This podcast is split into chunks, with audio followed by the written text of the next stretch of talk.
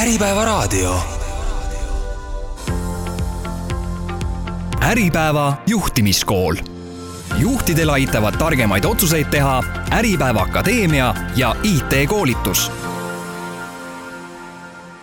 tere, kuulate Äripäeva juhtimiskooli raadiosaadet ja siin me arutleme koos Äripäeva Akadeemia koolitajatega, kuidas olla parem juht ja kuidas teha paremaid juhtimisotsuseid. juhtimiskool on Äripäeva raadioeetris korra kuus ja seda kolmapäeviti kell kolm mina olen Äripäeva koolitusäri juht Marianne Lõhmus ja mul on täna stuudiosse külla tulnud Paavo Siimann, tere Paavo! tere Marianne, tere kuulajad! Me, me räägime täna finantsanalüüsist ja enne võib-olla, kui me läheme teemasse sisse, siis ma paluksin, et sa tutvustaksid ennast meie kuulajatele, et, et miks oled just sina õige inimene sellel teemal neile nõu andma? no finantsanalüüsiga olen ma kokku puutunud juba eelmise sajandi lõpust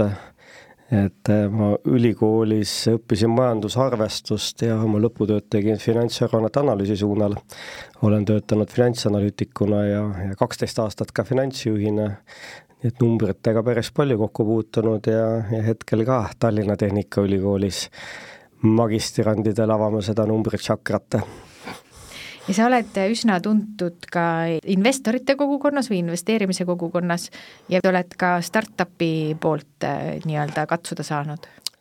Jah, no nii iduettevõtted ja küpsed ettevõtted, eks nad ole oma olemuselt väga erinevad, et küpsete ettevõtete puhul on numbreid tunduvalt rohkem, mida analüüsida, iduettevõtete puhul on neid suht vähe, et seal tuleb sellist ka kvalitatiivset analüüsi rohkem teha, enne kui nendesse investeerida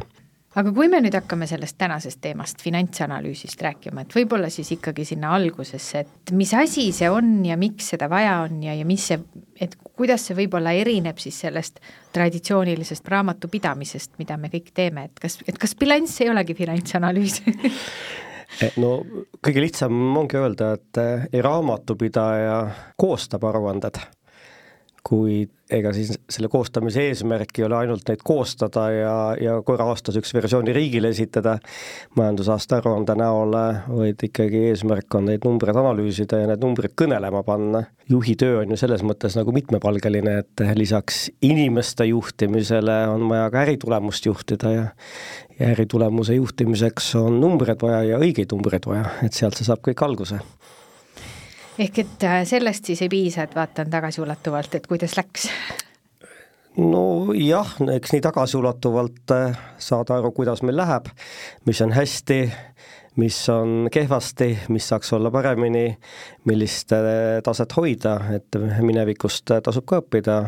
tuleviku planeerimine on samuti oluline. aga kui me rääkisime, et, et aruandlus on raamatupidaja laua peal, et finantsanalüüs ettevõttes, et kelle töölaual see siis olla võiks? No üldiselt Eestis nende ametinimetustega on veidi keeruline, et ega sa vaatad inimese ametinimetust LinkedInist, ega sa täpselt aru ei saa, millega ta tegeleb, et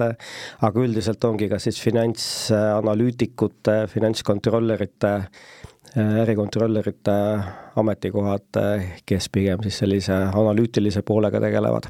aga mul on hea meel näha ka, et noh, näiteks ka raamatupidamisbürood, kes soovivad klientidele rohkem lisaväärtust luua,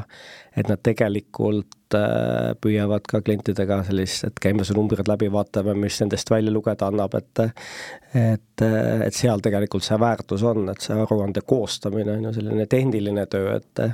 ja tehnilised tööd tasub üldiselt ära automatiseerida, et, et ikkagi, kuidas need numbrid kõnelema panna, et see on peamine väljakutse, et et see, et mingi number on kolm, ei ütle sulle mitte midagi, et sinna on ikkagi mingit taustsüsteemi taha vaja aga kas tänapäeval juba siis raamatupidamisprogrammid annavad ka juba nii-öelda jooksvalt neid äh, erinevaid siis äh, finantsnäitajaid välja nii-öelda, et kas see on juba, me jõuame sinnamaani, et see raamatupidamisprogramm on justkui toetab seda finantsanalüüsi? No minu arusaamise põhjal või kui ma siin ka mentorlusprogrammide käigus ettevõtjatega kokku puutun, siis kõik kiruvad oma arvestusprogramme. Et alati on nemad selle kõige kehvema otsa sattunud, aga noh, võib-olla see asi nii hull ka ei ole, et Äh, et jah, enamik programme suudab enamikke finantsaruandeid koostada, et noh, et kui on ikka raamatupidamine korras, siis bilansi või kasumiaruande saad nupulavajutusega kätte. Ja, ja tugevamad programmid teevad ka rahakäibe aruande ära noh, nüüd ähm, Riigi Infosüsteemide Keskusel on niisugune ambitsioonikas kava, et ikka nullaruandluse projekt, et eks et kui on raamatupidamine toimib ja metaandmed õigesti ette valmistatud, saab ka ju tulevikus majandusaasta aruande suhteliselt lihtsalt esitada, ei ole sinna käsitsi tööd vahele vaja et äh, aga jah, järgmine küsimus on see, et kuidas on siis üles ehitatud igasugused andmelaod, andmeaidad ja, ja sellised juhtimispaneelid, et, äh, et saada siis need numbrid kätte. et see on juba iga ettevõtja noh, kuidas öeldakse, omaloominguline pool, ehk siis see läheb sinna juhtimisarvestuse poole peale, et et kui finantsarvestus on kohustuslik, siis juhtimisarvestuses on mõned niisugused head tavad, kuidas asju tehakse, aga ühtegi seadust ei ole, nii et ettevõtja või juht, soovitan juhil ise küsida oma finantsmeeskonna käest, et mis on need seitse mõõdikut, mida ta näha tahab, et ja need seitse mõõdikut võivad ju ajas muutuda, et et nii, kuidas ettevõte areneb ehk initsiatiiv peaks tulema ikkagi juhilt, kes siis saaks nende näitajate najal oma äri paremini edasi viia? no juhile jah, juhtidele võib-olla jah, see väljakutse just eriti mitte finantstaustaga juhtidele ma olen näinud, on see, et nad on kuidagi kurvad, et eh, ei ole ühte numbrit, mis ütleks, et kas ettevõttel läheb hästi või halvasti. et mõned sellised alustavad ettevõtjad või mikroettevõtjad, väiksed ettevõtjad, nemad mõtlevad, et see number on pangakonto saldo. et eh, kuid see, kuid see kindlasti ei ole, et et selles mõttes eh, saab ettevõtet võrrelda inimorganismiga, et eh, noh, et kui me sinna arsti juurde läheme, siis ju ka me saame väga palju numbreid oma tervise kohta ja võetakse, ma ei tea, vereproovi ja kakaproovi ja pissiproovi ja, ja nii edasi, et tegelikult sama on ka ettevõtte puhul, et et kui mõned näiteid tuua, et, et üks on see, milline on ettevõtte arengukiirus siis milline on ettevõtte vara kasutamise efektiivsus, tööjõu kasutamise efektiivsus, müügitegevuse tasuvus, investeeringu tasuvus, lühiajaline maksevõime, pikaajaline maksevõime, kasumi kvaliteet ja nii edasi, et et noh, meil võib näiteks olla müügitegevuse tasuvus väga hea, aga äkki vara kasutamise efektiivsus on nõrk, siis järelikult äh, oleks vaja see kätte saada analüüsi põhjal ja, ja kavandada tegevused, et kuidas vara kasutamise efektiivsust äh, suurendada. sest need on hoopis teised tegevused kui müügitegevuse tasuvuse suurendamine. et siis see juhtimine muutub nagu mõtestatavamaks, et kui sa saad aru, mida need numbrid sulle räägivad ehk et tegelikult võib olla äri tulemus juba väga hea ja juht võib olla väga positiivselt meelestatud, aga et see juhtimis arvestuse mõttes siis see, see finantsanalüüs on siis see koht, kust leida need kohad, kus saaks veel paremini teha? jah, kus need sisemised reservid on või kus need äh, jah, täpselt, et see saab aru, et äh, mida saab veel paremini teha, et noh, eks juhtide puhul tasub ka silmas pidada või niimoodi omaniku vaatenurgast äh, jälgida, et et kui on palgatud professionaalne juht, siis noh, kui omanik ütleb, et eesmärk on kasumi maksimeerimine, eks see juht hakkab siis sinna suunda minema, et kui omanik annab natukene mitmekülgsemad eesmärgid, eks ju, siis see areng on kindlasti nagu tasakaalustatum, et et, et ma soovitan siis ka mitte, ikkagi juhtidel ja omanikel omavahel nagu Äh, kui need on erinevad inimesed, et paika et mida pikas perspektiivis oodatakse ja ja, ja, ja mis on siis selle konkreetse alanud aasta fookus näiteks, et kuhu soovitakse jõuda. aga mitu näitajat siis ühel, ühel ettevõttel võiks olla, mida niimoodi regulaarselt jälgitakse, et on seal mingisugune, ma ei tea, need viis on soovituslikud ja need kolm peaksid kindlasti olema või, või see on ikkagi nii ettevõttepõhine? no see sõltub, kus arengutsükli faasis ettevõte on. noh, üldiselt üks, mida reeglina ikkagi jälgitakse, eriti just kasvuettevõtete puhul ongi see, et eh, kuidas ettevõtte äri kasvab, et et, eh, et kas, ma ei tea, müügitulu kasvab kiiremini kui bilansimaht, et või ükskõik milline väljundnäitaja kasvab kiiremini kui sisenäitaja, ehk on siis jah, kasvu poole. no sellistel majandustsükli põhjaaegadel, eks ju, paljude jaoks ikkagi on ka väljakutseks Äh, maksevõime, niisugune lühiajalise maksevõime jälgimine, et siis jah, saab küll bilansi proportsioone vaadata, aga, aga hinda tõusevad rohkem raha liikumist sisaldavad näitajad, et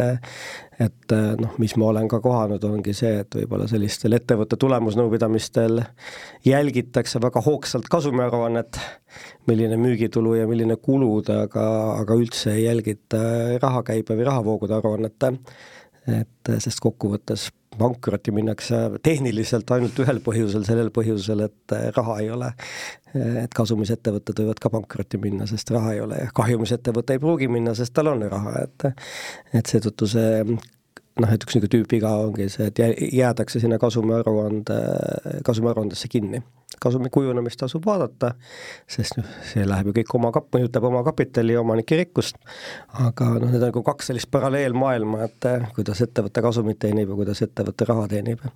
et mõlemast eh, on mõistlik aru saada ka ettevõtte juhil, et mitte ainult finantsistil kui rääkida sellest äh, turuolukorrast ja konkurentsivõimest, et et kuidas juht siis saab finantsanalüüsi ära kasutada selleks, et hinnata siis enda seda positsiooni turul või enda seda tugevust turul? no tugevuste ja nõrkuste äh, väljaselgitamiseks kõige mõistlikum on võrrelda ennast, enda ettevõtte tulemusi lähimate konkurentidega. et jah, kui niisugused sellises ähm, inimeste juhtimise maailmas öeldakse, et sa võrdle iseendaga, et kuidas sina oled paremaks inimeseks saanud, et ära võrdle teistega, et see võib sind õnnetuks teha, et siis tegelikult ettevõtluses on vastupidi, jah. et äh, kus sina saad paremaks, äh, selleks annavadki vihjed konkurentide andmed, et sest majandusaasta aruanded on avalik informatsioon, selle info saab kenasti kätte ja, ja tasubki ära teha siis selline konkurentidega võrdlusanalüüs, et ja kas või nende samaste kategooriate mm, kaupa, mida ma siin mõned minutid tagasi ütlesin, et et, et kes areneb kiiremini, kelle varakasutus on efektiivsem, kelle tööjõukasutus on efektiivsem eh,, kuidas maksevõimega on, kas peale kasumiga raha teenitakse eh, ja nii edasi, et sest noh, kui konkurendid suudavad, siis miks meie ei peaks suutma ja ja, ja seal, kus meie näitajad on kõige paremad, siis võime alla patsutada ja siis, et see, see on meie ettevõtte tugev külg. ehk siis oma äritegevuse tugevused ja nõrkused me saame teada võrreldes konkurentidega. et kui me võrdleme ainult äh, eelmise aasta või eelmise perioodi näitajatega, siis me saame teada, mis on läinud paremaks, mis on läinud halvemaks, aga me ei tea, kas see on hästi või halvasti võib-olla kehv näitaja on natuke paremaks läinud, aga konkurentidega võrdluses ta ei ole ikka hea ja, ja, ja, ja vastupidi, nii et, et ainult ähm, äh, ainult oma ettevõtte varasemate perioodidega võrrelda ei tasu, et ikkagi korra aastas selline konkurentsianalüüs ära teha, et see läbipaistvus jah, mis meil on nagu olemas siin Eestis, et see tegelikult aitab ka äh, ettevõtet tõhusamalt juhtida ja, ja kõik need nii-öelda olulisemad näitajad on võimalik äh, arvutada siis välja nende numbrite põhjal, mis on meil kõigi ettevõtete kohta siis avalikud, ehk et majandusaasta aruannetes on enamjaolt kõik oluline välja toodud, eks ju? jah, noh, kui siin võib-olla on ikkagi erand, on see niinimetatud mikroettevõtte aruanne, mille bilanss on äh, suhteliselt mõttetu, ehk siis sealt ei saa infot äh, teha järeldusi ettevõtte maksevõime kohta, et et aga juba jah, alates väikeettevõtte aruandest eh, ja nii keskmise kui suurettevõtete aruannete põhjal saab juba sellise temperatuuri mõõtmise ära teha kas siin saab ka midagi minna nii-öelda väga valesti, et, et sa leiad selle näitaja, millega sa, mida sa tahad siis vaadata ja võrrelda ja teed need analüüsid ära ja ja siis tuleb välja, et tegelikult vaatasid vale näitajat või tõlgendasid seda valesti, et, et kus neid, kus need vead tavaliselt tekivad? No üks on kohe see, et ikkagi algandmed peavad korrektsed olema, et noh, et kui ma ikkagi jah, meil on äriseadustikus kirjas, et raamatupidamise aruande kvaliteedi eest vastutab ettevõtte juhatus, aga aga need mitte auditeeritud, mitte üle vaadatud ettevõtete puhul, eks see andmekvaliteet on alati selline eh, küsimärk, et, et kuidas need numbrid sinna sattunud on. kui eh, andmekvaliteediga on korras, noh, arvutusvigu tehtud ei ole, eeldame, et noh, siis on põhimõtteliselt noh, vaja aru saada, et mingite näitajate puhul ma tahan, et see oleks võimalikult kõrge ja mingite puhul võimalikult madal, noh, võib-olla mõningate puhul ma tahan ka keskel kuskil olla, et et seda rada pidi minema hakata. aga kuidas siis jõuda sinna, et aru saada, et, et millised need näitajad on, mida mina tahan äh, nüüd oma ettevõttes või mida ma peaksin jälgima, et et kas, kas seal piisab sellest, et juht läheb koolitusele, kas ma pean võtma konsultandi sisse, kas on keegi, kes tuleb, paneb mul ettevõttes selle süsteemi püsti või et noh, et et kui ma olengi see juht, kes ei ole täna neid asju sellisel viisil teinud, et kuhu poole ma nüüd siis jooksma hakkan? juhid minu kogemusel ikkagi koolitustel käivad ja, ja mitte selleks, et tegevjuhist saaks finantsjuht, vaid selle eesmärgiga, et tegevjuhile, tegevjuht oleks finantsjuhile parem partner, et sest tihtipeale, mis ma olen ka näinud mitte finantstaustaga inimestel, et neil juba sõnavara kui nad kuulevad neid sõnu, siis pulss läheb üles, et, et võib-olla ja mõned ütlevad ka, et ma ei ole ikkagi numbriinimene ja ma natuke pelgan neid numbreid ja, ja nii edasi, et noh, tegelikult ega see integraalvõrandeid seal finantsjuhtimises või diferentsiaalvõrandeid ei tehta, et, et tegelikult sellisest põhikooli matemaatikast piisab, et vahel on lihtsalt oluline nendest sõnadest aru saada, et ja siis hakkab see asi juba avanema, nii et ja noh, on ka teiste valdkondade juhid, et ma ei tea, personalijuht käinud finantskoolitustel, sest ta ütleb, et ma olen ettevõtte juhtkonna koosolekul ja siis, kui finantsjuht ja tegevjuht rääkima hakkavad, ma ei saa mitte midagi aru ja ma tunnen ennast halvasti et äh, tegelikult kellele keeleõpe meeldib, siis tegelikult nendele finantside õpe ka meeldib ja seal vist on ka see, et paljudes valdkondades, noh näiteks personalijuhi puhul, et tema ju peab ka ikkagi mõtlema selle äri tulemuse peale ja inimeste peale kui nii-öelda ressursi ja teisalt ka kulu peale ja ka selle optimeerimisele, on ju. jah, täitsa nõus, et äh, just kui see strateegilise personali juhtimise suund, et kui siin mõni aeg tagasi arvati, et personalijuht on niisugune psühholoog, et eks need ajad on ikka möödas, et personalijuhilt oodatakse samuti ärist arusaamist ja, ja, ja sellesse panustamist. aga kui me räägime nüüd äh, sellest tänasest äh, võib-olla majandusolukorrast ka, et et, et me oleme rääkinud sellest, kuidas siis äh, nende aruannete põhjal teha paremaid juhtimisotsuseid ja, ja kuidas siis finantsnäitajaid kasutada selleks, et saada aru, kus me turul oleme, aga kas finantsnäitajaid või et milliseid finantsnäitajaid peaks täna vaatama, et kui me teame, et meil on olnud pikk majanduslangus, me teame, et ajad on veel sellised, no ütleme, sõnumid ei ole kõige paremad, et mis on need näitajad, millele peaks täna tähelepanu juhtima, et mis võib-olla aitaksid meid siis sellest keerulisest ajast üle või annaksid selle kindlustunde, et et me saame siit läbi? noh, on sellist teadusuuringutest teada, et ähm, erinevad tegevusalad käituvad majandustsükli erinevates faasides erinevalt, et ähm, no ütleme niimoodi, et noh, näiteks sellises madaltsük-, madaltsüklis ikka üldiselt jaekaubandusel läheb hästi, sest süüa on ikka vaja, et nendel ettevõtetel läheb keskmistest paremini, aga premium-kaupade müüjad või tööstusettevõtjad või IT-ettevõtjad peavad mingi suurte projektide avanemist ootama ikkagi siis, kui rahakotiraued jälle lahti tehakse, et ehk siis seda tüüpi ettevõtetel on praegu lühiajaline fookus vaja seada ühest küljest sinna, et jätkuks raha see periood eh, üle elada, niisugune madal periood, ja teisest küljest ikkagi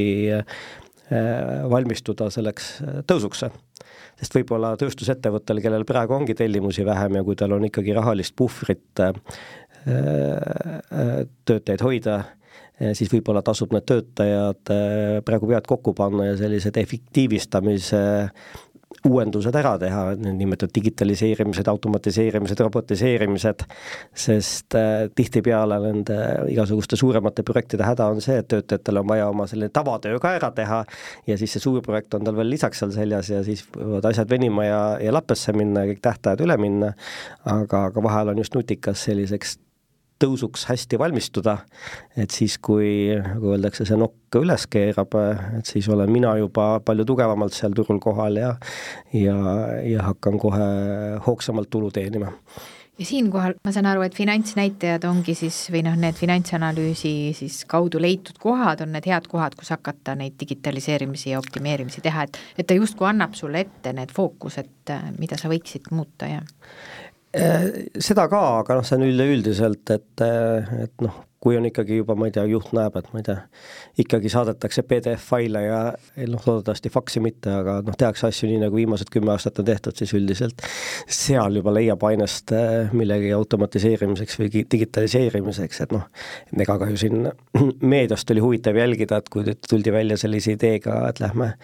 digiarvetele ehk e-arvetele üle ka, ka ettevõtete vahel, siis eh, kohe olid vastuseisjad kohal, et ei sobi, ei saa aru, ei taha, et, et eks siis iga muutus ju kõigepealt on vaja see vastuseisu etapp läbida ja siis saab sealt äh, nagu edasi minna, et noh, avalik sektor on juba pea viis aastat niimoodi toimetanud, et äh, saadakse hakkama küll ja öeldakse, et, et ressurssi on vabanenud, et. Jah, ma mäletan ka seda, kui, kui tuli see riigi tasemel siis see e-arvete nii-öelda kehtestamine, et, et seda vastuseisu ja seda keerukust seal oli ja ja mäletan, et veel paar aastat hiljem veel riigiasutusigi leidus, kes e-arveid välja printisid. Ja ilmselt neid inimesi, kes täna arvavad, et PDF emailiga saadetud PDF on e-arve, vist on endiselt ka liikvel, nii et aga mis on võib-olla need finantsanalüüsi siis uued tuuled, et, et kas seal ka juba kasutatakse ai-d või tehakse selliseid, on mingeid põnevaid lahendusi või kust need arengud tulevad maailmast meile? no minu kogemusel niisugust GPT-d jälgida, siis ähm, noh, ta pigem aitab kaasa sellisel sisuloomel ja, ja, ja, ja võib-olla ka näiteks ma ei tea, tegevusaruande kirjutamisel äh, saab ju teda kasutada või, või sellise mustandi koostamiseks kasutada et ta seal äh, analüüsi poole peal on ikkagi pigem hetkel on nagu, pigem nagu primitiivne, ehk siis äh, ma tudengitega ka, kui ma siin eel-, näiteks see sügissemester algas, et ma ikka viimase minutini ootasin, et kuidas seda äh, tehisaju sinna õppetöösse nagu kaasata oma valdkonnas, aga siis ma nägin, et millist jama sealt tuleb, et siis ma ütlesin, et praegu veel vara, et et pole mõtet ju kogu aeg teha harjutusi, et parandame vead, et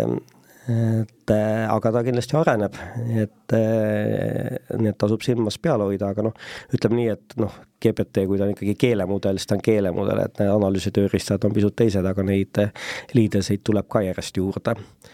et nii, et ka see on üks pool, et nagu lihtsalt hoida ennast kursis ja, ja õigel hetkel hakata neid kasutama aga samas on see, et inimene peab ikka targem olema, sest ta peab aru saama, millal see tehisaju talle jama ajab. et, et kui sa selle põhjal hakkad, vot noh, nagu Eesti inimene vanasti oli harjunud, et kui lehes on kirjas, siis niimoodi on. et kui sa lihtsalt mõtled, et tehisaju niimoodi ütles, järelikult niimoodi on, et et, et see on liiga lihtsakoeline lähenemine, et omal peab ka ikka nutimõistust olema jah, mina olen näinud äh, ai lahendust, mis äh, on siis nii-öelda nagu CEO parem käsi, ehk et ta teebki sulle, annab talle oma ettevõtte strateegia ja info sisse ja siis ta teeb sulle noh, juhina siis äh, nädalate viisi, mis on sinu fookused, tegevuskavad, alates turundusplaanist kuni töötajatega siis erinevad tegevused, mis sa pead läbi viima aga seal on ju tõesti see, et tema kasutab ju baasiks kõik kogu teooriat, mis tal on, on ju, et ta numbreid ja neid finantsnäitajaid ilmselt sinna ei kaasa, et et kas seal võib olla ka oht tulevikus meie jaoks, et me annamegi selle mõtlemisvõime käest ära ja, ja võib-olla kaobki see tähelepanu sellelt oluliselt nii-öelda äri poolelt ära? no kui see kriitiline mõtlemine ära kaob, siis see on äh, loomulikult oht, et äh, ma loodan, et äh, ma loodan, et niimoodi ei lähe, sest ma ei tea, kunagi tulid ju ka arvutid ja siis mõeldi, et võtavad kõik üle ja mis nüüd saab, aga tegelikult nad olid ikkagi meie sellised võimestajad, me saame teatud asju kiiremini teha, paremini teha, et, et et äh, sama on äh, selle tehisajuga, et et ta on lihtsalt üks selline jälle suurem muudatus lisaks arvuti tulekule ja interneti tulekule ja et kui mina käisin kunagi, ma ei tea, oma lõputöö jaoks Rahvusraamatukogus paljundamas artikleid, eks ju, siis tänapäeva tudengid lähevad e-raamatukokku üle veebi ja saavad sealt neid kätte ja nad saavad, ma arvan, oma lõputööd niimoodi tehtud, et no ühtegi paberit ei teki selle käigus juurde, et et see on lihtsalt, me teeme asju teistmoodi, et kokkuvõttes loodetavasti saame kiirema ja kvaliteetsema tulemuseni ja niimoodi see rikkus kasvab. jah, ja noh, see ka, see paralleel siia juurde, et varasemalt ei olnud ju kõikide ettevõtete aruanded meile kättesaadavad ja täna me saame ikkagi juba selle viimaste kvartalite käibenumbrid ju tegelikult erinevatest kohtadest ettevõtetel kätte ma võib-olla siin teises pooles äh, läheksin investeeringute suunas, kuna see on ka sinu nii-öelda üks leivanumber, olen näinud siin maja peal.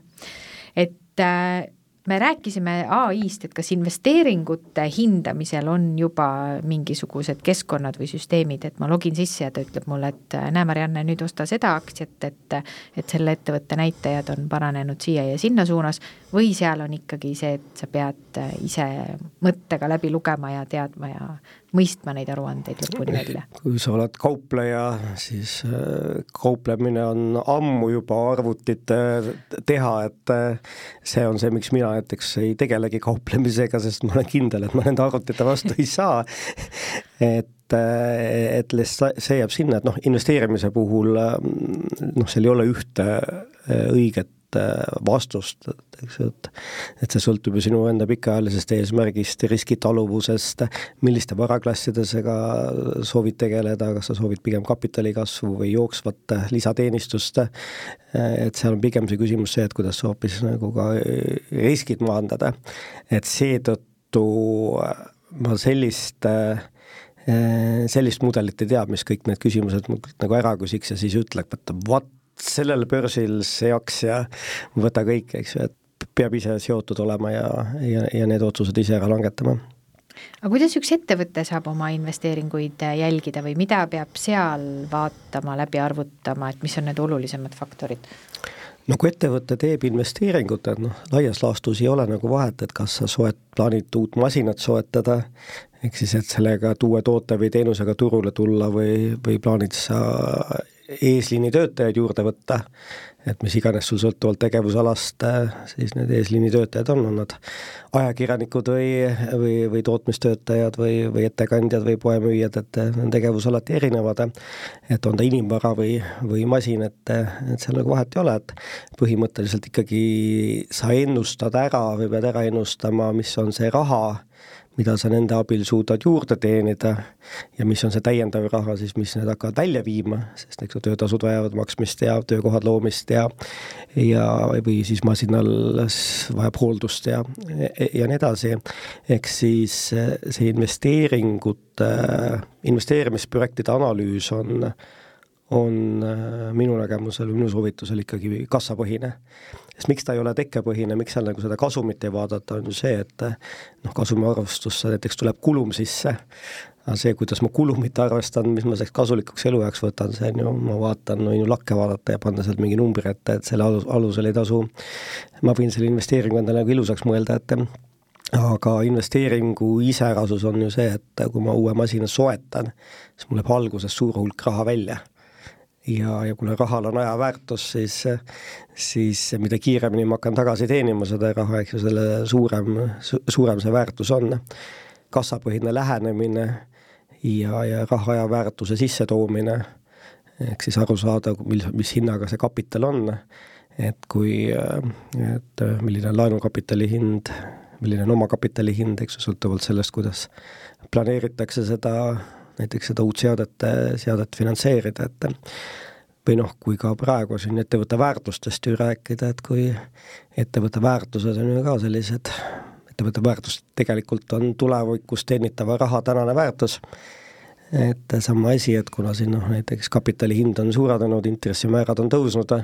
et tegelikult see on ettevõtte väärtused ju alla toonud, et et, et sellega, sellega, et kes oma ettevõtet müüa plaanib, eks ju, et tasub arvestada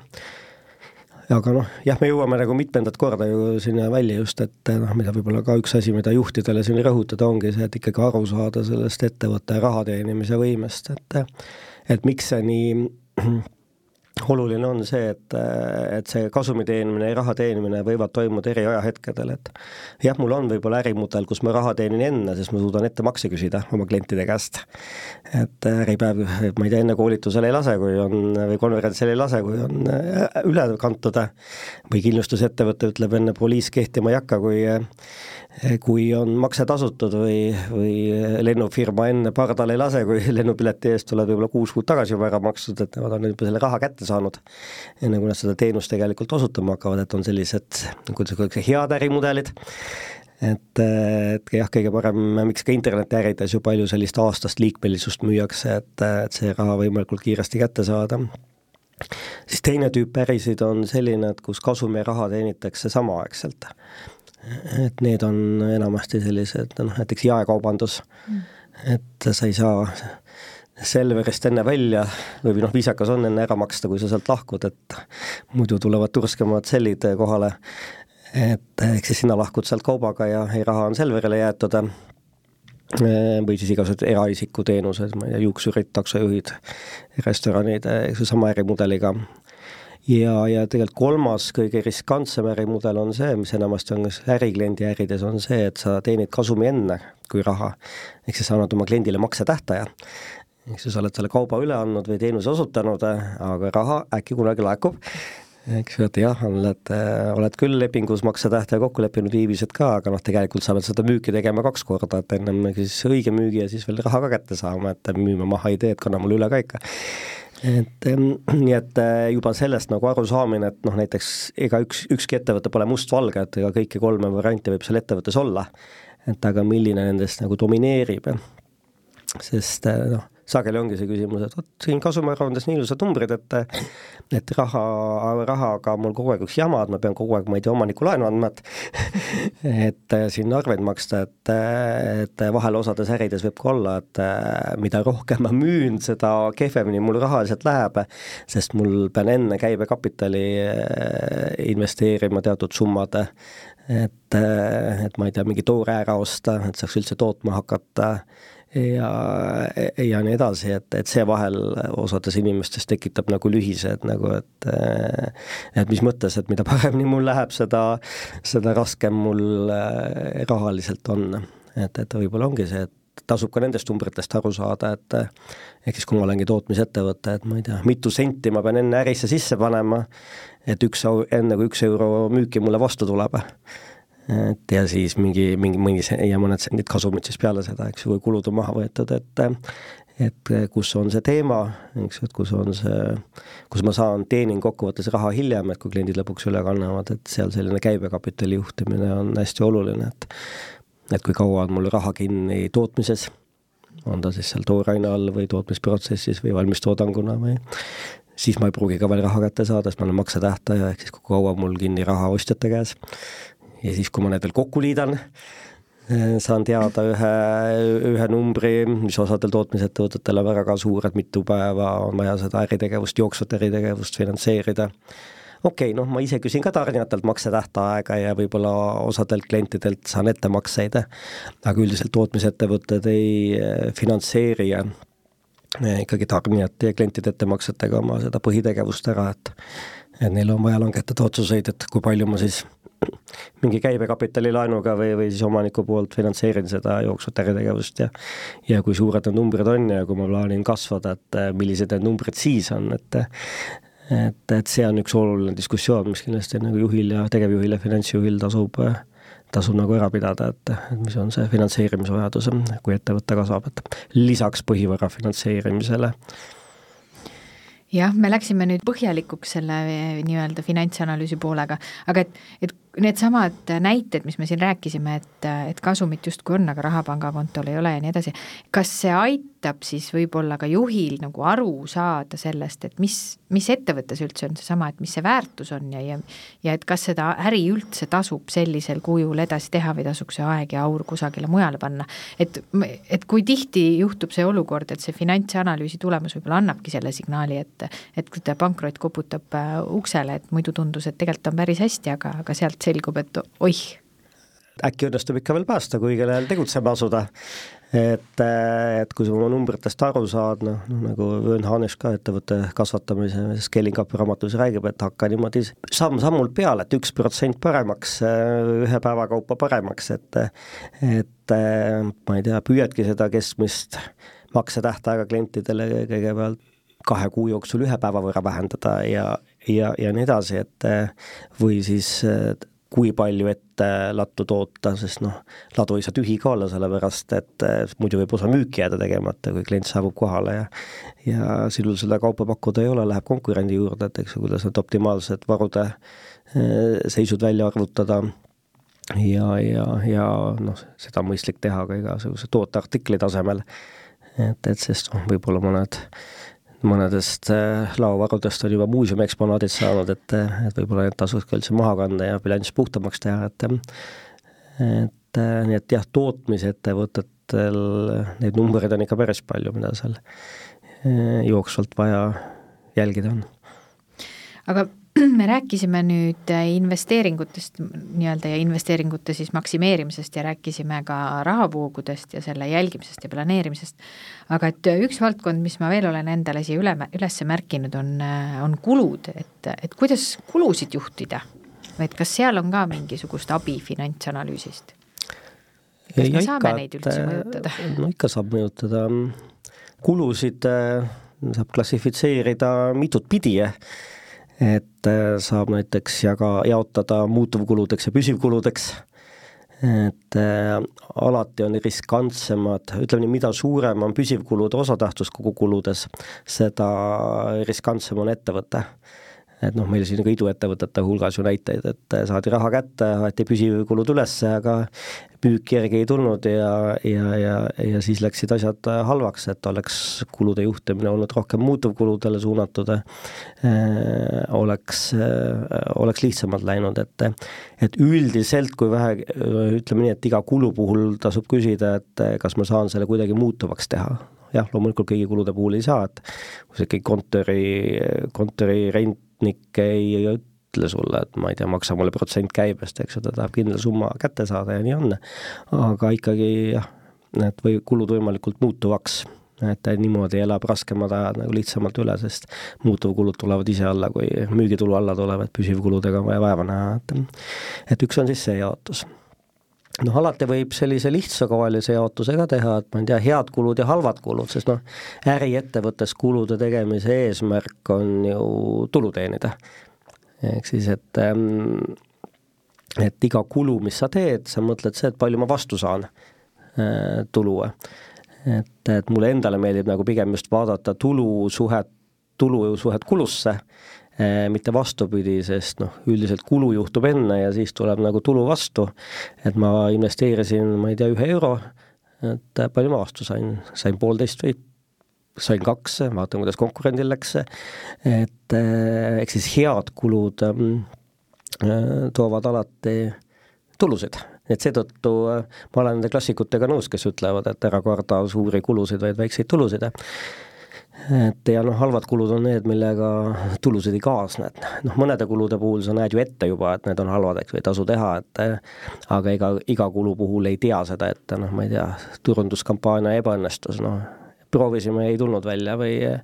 või ma ei tea, värbamine ebaõnnestus, eks ju, ei, ei tulnud välja, et ega sada protsenti kulusid headeks ei saa, aga aga vähemalt sinna suunda tasub äh, püüelda noh, üks alati kunst on, mis on äh, ettevõtjate peas, et äh, palju, sageli tuleb küsimusi, et ma see omahinna arvutus, et äh, ma sellest nüüd küll aru ei saa, et et ega siin ongi, et ükski seadus seda ei reguleeri, et see ongi nagu kunst, et noh, nii mitu inimest on saalis, nii mitu omahinna arvutust võib seal olla, et, et siis jaotatakse kulud otsesteks ja kaudseteks, et mis on siis otseselt selle kauba või teenusega seotud ja, ja mis siis ei ole ja, ja kuidas siis, millise meetodiga neid kaudkulusid siis hakatakse jaotama toodete või teenuste vahel, et noh, see on see kõige kunstilisem osa sellest, sellest maailmast. kokkuvõttes noh, või ma ei tea, personalijuhtidega vahel tulnud, et see koolitus on nii kallis, et me ikka nii kalleid koolitusi ei tee, et aga ma võin öelda, et ma isiklikult olen käinud äh, viie tuhande eurosel väga odaval koolitusel ja, ja kahesaja eurosel väga kallil koolitusel, sest selle viie tuhande eurose koolituse selle rakend-, saadud teadmised ma olen mitmekordselt tagasi teeninud, et ma need teadmised kasutusele võtsin ja sealt kahesaja euroselt koolituselt ma ei õppinud mitte midagi. ja aeg läks ka veel raisku, seepärast et ei ole võib-olla nii rikas, et odavaid asju osta, eks see sama käib ka kulude puhul, et et see kulude juhtimine jah, selles mõttes, et ainult nagu säästmisega kaugele ei jõua, et noh, tegelikult on pigem see ettevõtjalik mõttelaad on ikkagi see, et ma annan ühe euro sulle, palju ma vastu saan jah, ja see on tegelikult ka see, mida me näeme ju ka koolituste poole peal, et nii kui läheb natukene keerulisemaks aeg, siis see on ju see koht, kus tõmmatakse kokku, on ju. aga et, et seda sisendit, et, et näha ka siitpoolt, et võib-olla siin õpitav finantsanalüüs aitab sul selle raske aja üle elada ja võib-olla see koolitusel käimine aitab aitabki sul siis äh, kulusid optimeerida ja võib-olla investeeringuid maksimiseerida, et sa saad siit selle teadmise, mille najal tegelikult tulevikus paremini teha, on ju, ja see toobki sulle selle tagasi. et finantsanalüüs ju iseenesest kõlab sellise halva kuluna, et ega ta ju otseselt tulu ei too, aga ta aitab ilmselt need tulukohad üles leida ja välja tuua noh, ehk ka laiemalt, eks ju, võib ju küsida, et milleks neid tugiüksusi ettevõtetel vaja on, et aga, aga on, on, on vaja ikka, sest noh, kaudselt tegelikult ikkagi äh, iga meeskonnaliige, iga funktsioon osaleb tulu teenimisel, et noh, ma arvan, niisuguses klassikalises äriettevõttes ikka niisugust laua valvamise töökohti tänapäeval enam ei ole, et et siis on juba pigem jah, küsimus sinna juhi otsa vaatamises, et et, et mida need inimesed teevad ja mis väärtust nad loovad, et aga kui tulla nüüd ikkagi selle tänase päeva juurde veel korra tagasi, et, et me oleme siin nii-öelda sellises äh, keerulisemas majandusolukorras või vähemasti osa ettevõtetest, et, äh, et kuidas me saame hinnata või, või millised on need tänased finantsriskid, millega siis ettevõtted silmitsi seisavad? no eks see peamine risk on ikkagi just nendel ettevõtetel, kes on maksetähtaegu sunnitud andma, sest turg on selline, konkurent annab on krediidirisk, et ikkagi ei suuda seda raha kokku koguda. et siis ongi küsimus, et kuidas seda, kuidas seda maandada ja, ja kui kiiresti hakata tegutsema, et äh, kui on näha, et klient sellest maksetähtajast ei kinni pea, et, et kas on siis need protsessid paigas ja, ja ma ei tea, millal läheb inkassofirmale üle või, või, või kuni kohtuni välja, et, et noh, sest kui siin, ma ei tea, me oleme ikkagi niisugune ekspordiriik ka ja Skandinaavia turgudel on kehvemad ajad, et, et kuidas oma krediidiriski oled ära maandanud, et see on kõige kriitilisem, sest noh, kui su krediidirisk realiseerub, siis tegelikult järgmisena realiseerub likviidsusrisk, ehk siis sa ei suuda ise teistele maksta. ja siis sa ei pruugi enam, ma ei tea, materjali kätte saada ja siis sa ei suuda enam toota ja ja siis hakkab juba see allakäigutrepp äh, peale. sest noh, intressirisk on juba realiseerunud, et äh, eks ju, et et võib-olla siin pigem oodatakse, et et kui mingisugust uut geopoliitilist pauku ei tule kuskilt, et siis võiks pigem nagu positiivne risk olla, et need Euriborid hakkavad siin järk-järgult alla tulema, et turud on siin selles mõttes nagu mõned rohkem, mõned vähem optimistlikumad, et, et see pigem nagu positiivne risk, aga aga krediidirisk on see, et mis sellistel keerulisematel aegadel, selle krediidiriski juhtimine on hästi oluline ja siin me jõuame ikkagi sinna algusesse tagasi, et selle jaoks, et mõista oma kliente ja nende olukorda siis või seisu nii-öelda, et seda krediiti hinnata, sa pead ikkagi aru saama nendest näitajatest ja sellest, mida sealt numbritest otsida. jah, no üks võib-olla ongi see, et äh, kui on niisugune krediidiklient, siis äh, kliendiks võtmisel tehakse selline noh, sõltuvalt sellest ähm, krediidilimiidi suurusest tehakse selline vähem või rohkem põhjalikum analüüs, aga, aga tüüpiga on see, et ja siis sellega asi piirdub, et jooksvalt ei suudeta jälgida või jälgita, et noh, et tegelikult oleks ju hea teada, et kui kliendile mingi maksehäire tekib või maksuulad tekivad, et, et sellised teavitused tasub endale tellida. et sa ikkagi oma kliendi portfelli või krediidiportfelli kvaliteeti jooksvalt ka jälgiksid, et et, et kui seda mitte teha, siis noh, sisuliselt on ikkagi palju kodutööd tegemata ja siis, kui halvasti läheb, peab ikka endale otsa vaatama, et sest tegelikult noh, nagu sa ütlesidki, andmed on ju olemas, et tuleb osata nad lihtsalt kokku koguda, et kas praeguses olukorras, kas peaks ka oma pikaajalisi plaane kuidagi ümber vaatama või ümber arvutama või on seal, tajud sa seal mingisugust selget suunda, kuidas ettevõtted käituvad? Ütleme nii, et majandus on kogu aeg tsükliline olnud ja ma arvan, et ta selliseks ka jääb. et äh, eks see uus mängija nüüd ongi, mis siis erinevaid neid tegevusalasid äh, mõjutab, on tehisaju et kui siin öeldakse, et ma ei tea, et programmeerija peaks suutma kaks pool korda kiiremini toimetada ja ja ta aitab sellistel baastasemel, ma ei tea, juurategevustel kaasa ja nii edasi, et ehk siis kuidas seda tehisaju kasutada ettevõtte võimestamisel, aga samas ikkagi ka seal ju kaasnevad riskid, et ega sa ei saa seal, ma ei tea, kliendi andmeid sisse panna ja, ja kliendi andmetega seotud küsimusi panna, et eks ju need riskid tasub ka läbi mõelda, et et, et ikkagi majanduskasvuks valmistumine, eriti just nendel tegevusaladel, mis käivadki sünkroonis majandustsükliga, et, et ei, ei soovita maha magada. Tasub valmis olla. Võib-olla ütlengi niimoodi, et sest noh, kõige pimedam ongi alati vastu hommikut aga millal see hommik tuleb? Seda me saame alati natuke majandusmaailmas natuke tagantjärgi teada, et, et see nüüd tsükkel pööras tõusule, et me kahjuks ei saa uudistes öelda, et tund aega tagasi hakkas majanduskasv et, et see jah, see on sellise väikse viitega, nii et, et sellepärast tasubki kohal olla, et jah, noh, eelmine aasta räägiti, et äkki see aasta nüüd äh, hakkab see nina ülespoole minema, et kas see aasta siis räägitakse, et äkki järgmine aasta või? noh, elu on näidanud, et neid geopoliitilisi pingeid on juurde tulnud, et, et seetõttu noh, minu meelest selline jah, ma saan aru, et majandusanalüütikud peavad neid ennustusi tegema, eks ju, selle eest neile makstakse, et aga eks see on nagu päris keeruline, et just nende geopoliitiliste pingete tõttu, et nad teevad selle, selle hetke parima teadmisega, aga, aga alati võib tulla mingisugune uudis, mis selle kõik eh, uppi lennutab, et et loodetavasti selliseid Covidi-laadseid asju torus ei ole kuskil, kuigi noh, nüüd on see kogemus ka kätte saadud, et arstid on öelnud, et eks ju tuleb just pandeemiateks ka tulevikus valmis olla, aga sellised täiesti no meie, meie, meist mittesõltuvad tegurid, et nendega tuleb ikka arvestada.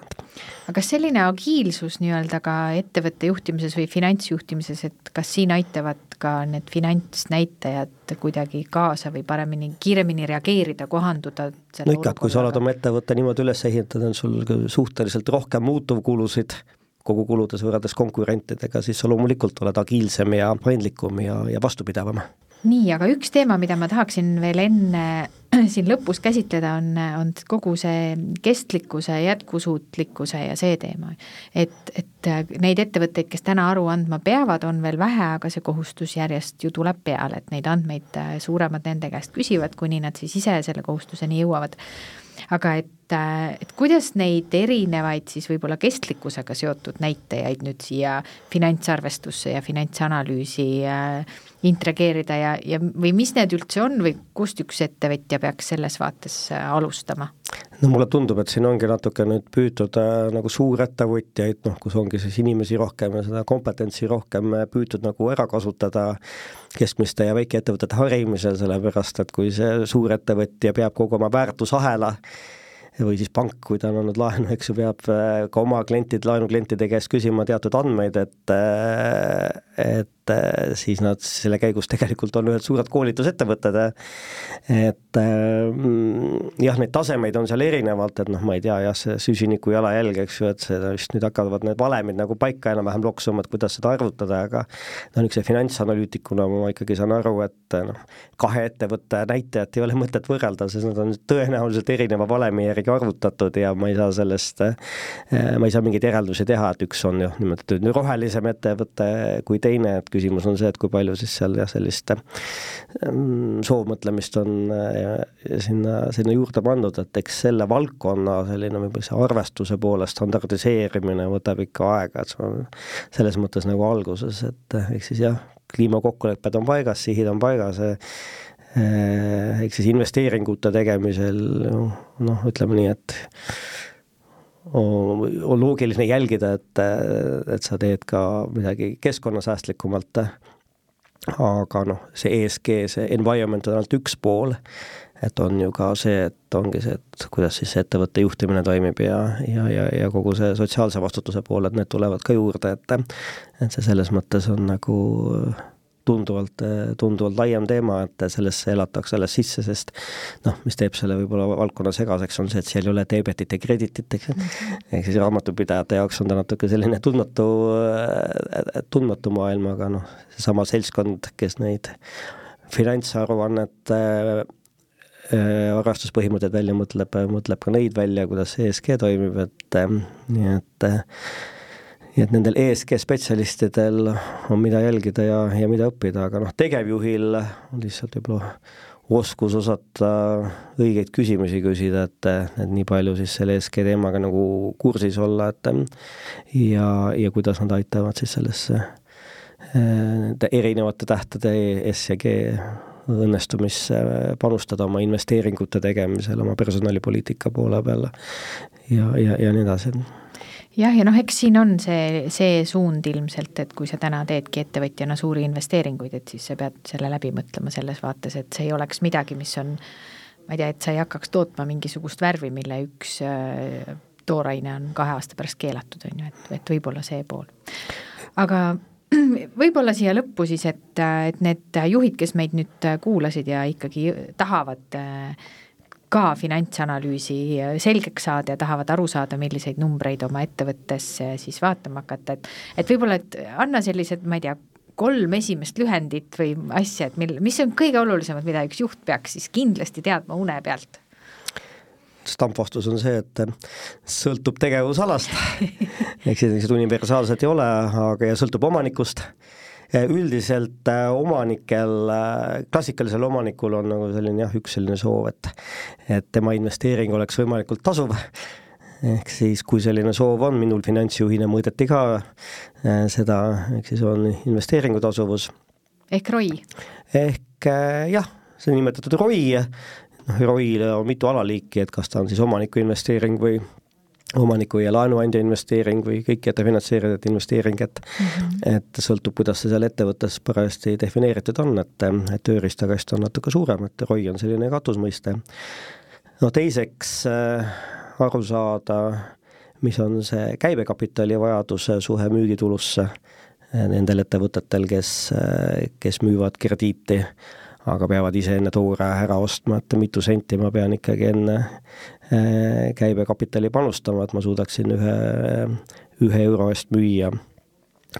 ja, ja kolmandaks eh, siis aru saada, mis on see lisandväärtus, mida ma loon, et et et sest noh, mida suurem on lisandväärtus, seda suurem on kokkuvõttes Eesti majanduskasv, et nii et parema tuleviku nimel õppige need äh, terminid selgeks ja, ja näitajad. aga aitäh sulle, Paavo, et sa oled äh, tulnud meie juurde siia ja tegelikult äh, sina viid ka Äripäeva Akadeemias läbi finantsanalüüsi koolitust, mis on peagi tulemas. nii et meie kodulehelt saab seda uudistada ja sinna on veel ka kohti aitäh kuulamast, mina olin siis Marianne Lõhmus, minuga oli stuudios Paavo Siimann. Ja kui te sattusite poole pealt kuulama, siis täispikkuses saade on Äripäeva raadiokeskkonnas saadaval. järgmise korrani